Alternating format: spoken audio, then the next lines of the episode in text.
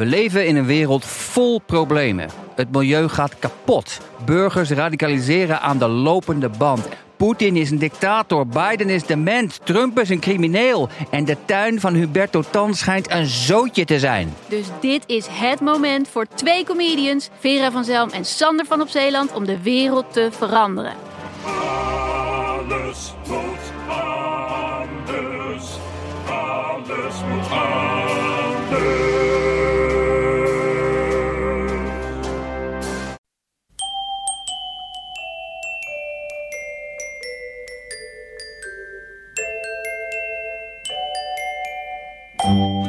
Welkom bij aflevering 154 van de Echt Gebeurd podcast.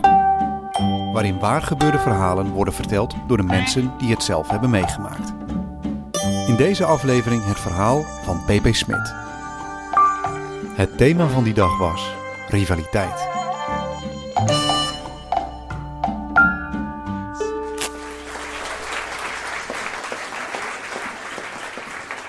Ik eh, ga een verhaal vertellen wat zich eh, afspeelt aan het eind van de jaren 70. eh, in een provinciestadje middelgroot in het midden van het land. En dat speelt zich af, een bloedige strijd tussen mijzelf en de filiaalhouder van de plaatselijke HEMA. Ik was 16 en ik was punk. Mijn ouders waren verhuisd toen ik tien was van Den Haag naar een heel schattig leuk klein mooi dorpje in de Betuwe. Wat natuurlijk ontzettend leuk vooral voor hun was. Ik was tien en ik kwam van de vrije school in Den Haag. En voor mij was het er nogal een harde overgang naar een klas met kinderen die ik nauwelijks verstond. En ik was ook nog zo dom om helemaal niet aan te passen. Mijn zusje bijvoorbeeld, die sprak in een week het plaatselijk dialect en deed gewoon leuk mee. Maar ik zette mijn hakken in het zand en besloot ehm, dat er maar één eh, ding nog was wat ik wilde. En dat was terug naar de stad. Dus ik zon op een ontsnappingsplan. Nou, nadat ik diverse middelbare scholen afgestuurd was eh, en eh, uiteindelijk de- op de lagere landbouwschool in dat eh, kleine stadje mijn diploma mocht halen. Mits mijn ouders moesten nog wel een papier tekenen dat ik niet terug zou komen als ik niet zou slagen. Maar goed, dat, dat papier was in de pocket en eh, ik eh, was 16 en het was de jaren 70, dus ik mocht het huis uit. Dat was toen eigenlijk helemaal niet eens zo heel raar, geloof ik. Nu eh, zou je dat een beetje vreemd vinden, maar mijn ouders vonden dat een prima plan.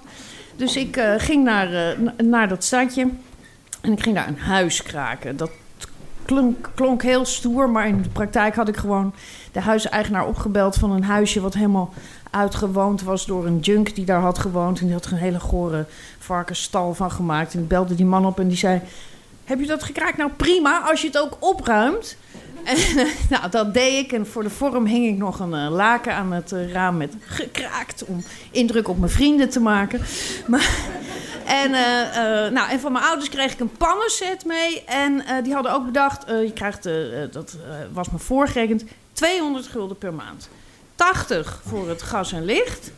En 120, ehm, nou 20 om wat leuks mee te doen. En dan 100, dat was dan 25 euro voor de boodschappen voor een week. Want ja, hè, 5 kilo aardappels en wat andijvie en een bakje met spekjes. Daar kan je toch wel zeker vijf keer stampot van eten. En dan nog een, brood. Hè. Hoeveel brood eet je helemaal in je eentje? Dus mijn moeder had dat zo uitgerekend. Nou, dat moest echt makkelijk kunnen.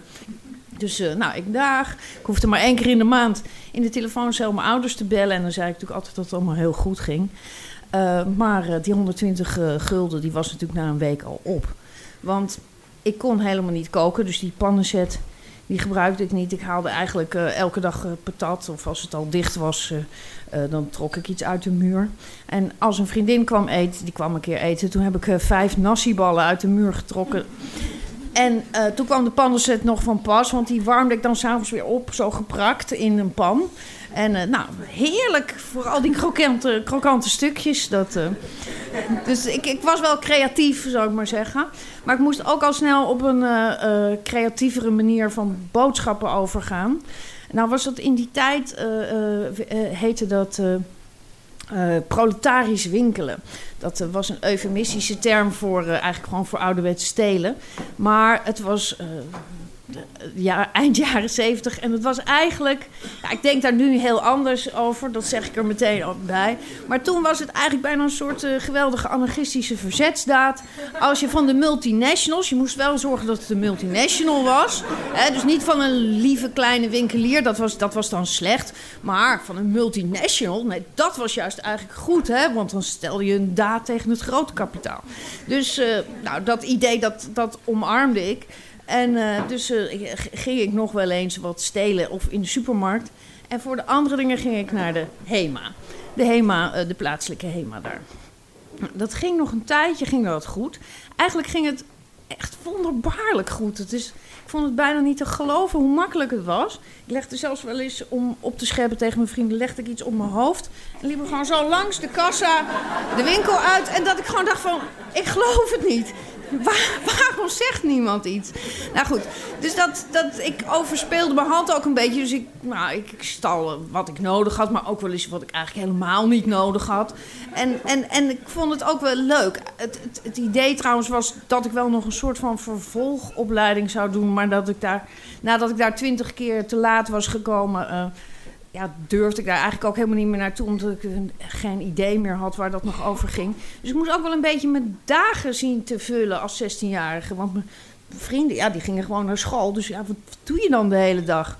Nou, in die plaatselijke HEMA, daar, eh, die had een filiaalchef en die had eerst niks door, maar na een tijdje begon hij toch wel te merken dat ik vaak in de HEMA was en nooit afrekende. En dat er wel eens wat weg was. Dus die begon wel te vermoeden dat ik daar waarschijnlijk achter zat. En die begon mij in de gaten te houden. Nou, dan moet ik even bijvertellen, die filiaalchef, dat was een meneer. Ja, het leek mij toen een enorme oude zak, maar waarschijnlijk was hij 32 of zo. eh, met een snor en een muisgrijs pak. Echt, echt een marionet van het groot kapitaal. Iemand waar ik, eh, waar ik natuurlijk eh, niet veel mee op had. En, en, en hij kon mijn bloed ook wel drinken. En het grappige was, hij had een kantoor in die HEMA. Dat was een soort trapje op. En dan had hij een raam en daarmee kon hij in de HEMA kijken. Dus als een soort aquarium keek hij, zeg maar, in, stond hij daar achter dat raam. En, maar hij kon natuurlijk alleen maar een bepaalde hoek kijken, want ik keek van bovenaf. Dus ik wist ook precies waar ik ongeveer moest staan om toch iets in mijn broekriem te duwen of wat dan ook. Terwijl ik hem eigenlijk zo'n beetje aankeek. En dat werd ook de sport. Dus wij, wij gingen het allebei persoonlijk nemen. Ik, ik, ging, ik, ging ook helemaal niet meer naar de HEMA omdat ik iets nodig had, maar gewoon voor de kick. Dus dan, en dan zo vrij openlijk ging ik die strijd met hem aan. Nou, dat ging ook nog een tijdje goed. Eh, totdat het niveau wat opgeschroefd was, merkte ik toen ik de HEMA inkwam. Omdat eh, ik merkte dat het personeel eh, waarschijnlijk ook ingelicht was. Want als ik binnenkwam, dan begon er van alles eh, eigenlijk om me heen te bewegen. En, en merkte ik ook dat het meisje van de HEMA ook helemaal niet meer verbloemd. Maar gewoon vrij opzichtig de hele tijd een beetje zo om me heen drentelde van wat ik dan deed. Nou, maakte het natuurlijk ook wel weer extra spannend. Dus op een gegeven moment, toen ik er even niet zag, oh, dat moet ik nog bij gaan vertellen. Ik was namelijk, ik kon niet koken, maar ik kon blijkbaar wel breien, want ik was een trui aan het breien. Ook uit verveling, denk ik. Maar daar had ik een knot wol voor nodig. Dus ik was die dag naar de HEMA gegaan om een knot wol te kopen, eh, te stelen. en eh, nou goed, dus ik eh, cirkel door die HEMA. Dat meisje cirkelt weer om mij heen. En dan na wat omtrekkende bewegingen zag ik haar eventjes niet. Toen dacht ik, nou, nu, nu. Dus ik doe alsof ik iets, eh, even iets laat vallen. En dan op het moment dat ik weer opstond, st- stak ik razendsnel, dacht ik, een knot wol onder mijn oksel. Nou, op dat moment, dat meisje was niet even weg. Die had zich echt letterlijk verstopt. Dus die springt met een indianenhuil bovenop me. Gilt, echt nou heb ik je. En die begint ook meteen eh, heel agressief, eh, want die was blijkbaar helemaal opgejut eh, door die filiaalchef. Ehm, begint met mij te vechten en ik probeer me los te trekken. En ze kraapt me en ze trekt aan mijn haar. En uit mijn ooghoek zie ik die filiaalchef aankomen galopperen uit dat eh, kantoor. En met z'n tweeën grijpen ze me vast en zetten ze me in het kantoor op een stoel. Ik moet nog even bijzeggen, ik was 16, maar ik zag er ongeveer uit als elf, denk ik. Was heel klein en mager met een beetje uh, haar. En, en ik zag er wel ook, ik keek een soort boos elfje. Ik keek op alle foto's, keek ik ook boos. Dat, dat hoorde zo niet uit. Maar ehm, ik, eh, ik was eigenlijk ook dus best wel, best wel klein. Dus ik zat daar, werd daar op die stoel gezet. Die filiaalchef die kon zijn uh, vreugde niet op. Die stond bijna op zijn stoel te dansen. Triomfantelijk. Nou heb ik je, nou heb ik je. En, en ik zat daar met bronkend hart. En ik vond het opeens toch allemaal best wel eng. Ik was natuurlijk ook pas 16. Maar, en zij gingen de politie bellen. Nou, de politie werd gebeld. De politie kwam ook. Twee van die echte oom-agenten komen binnen. En op dat moment wist ik wat me te doen stond. En schoot me de wraak die ik kon nemen te binnen. En de agenten komen binnen en ik zei: Hij heeft me geslagen. Die filiaalchef trok wit weg, want het zag er enorm overtuigend uit. Want het bloed liep over mijn wang. Het meisje had me gekrapt. En ze had ook iets gescheurd en er kwamen allemaal plukken haar uit mijn hoofd. En ik was echt best wel. Ze hadden dat best wel hardhandig aangepakt. Deels natuurlijk omdat ik ook teruggevochten had. Maar goed, dat zei ik er natuurlijk niet bij. Dus die man die trekt weg en die zegt: Nee, dat is niet waar. En uh, ik zeg: Dat is wel waar, dat is wel waar. En dan uh, die agenten: Nou, wat is er hier allemaal aan de hand? En uh, wat is er dan gestolen?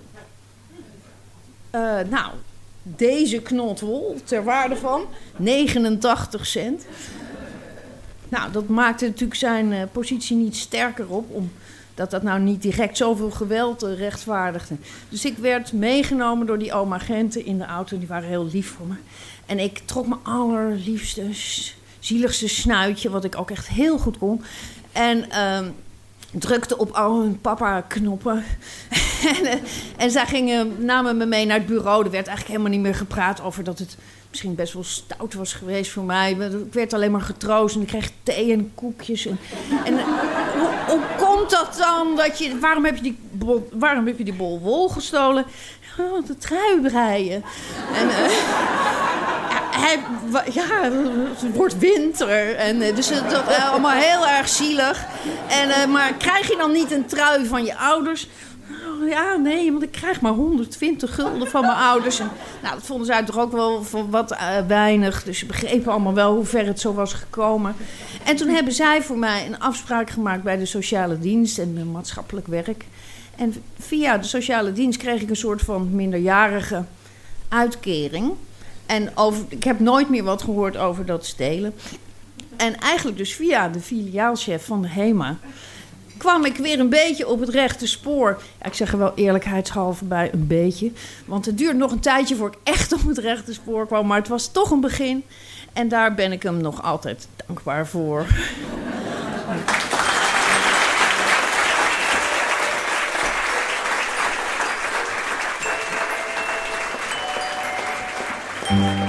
Dat was het verhaal van P.P. Smit.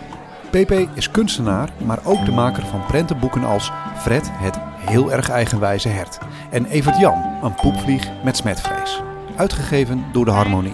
Meer info op fredhethert.nl Echt gebeurd wordt iedere derde zondag van de maand opgenomen in Toemler onder het Hilton Hotel in Amsterdam.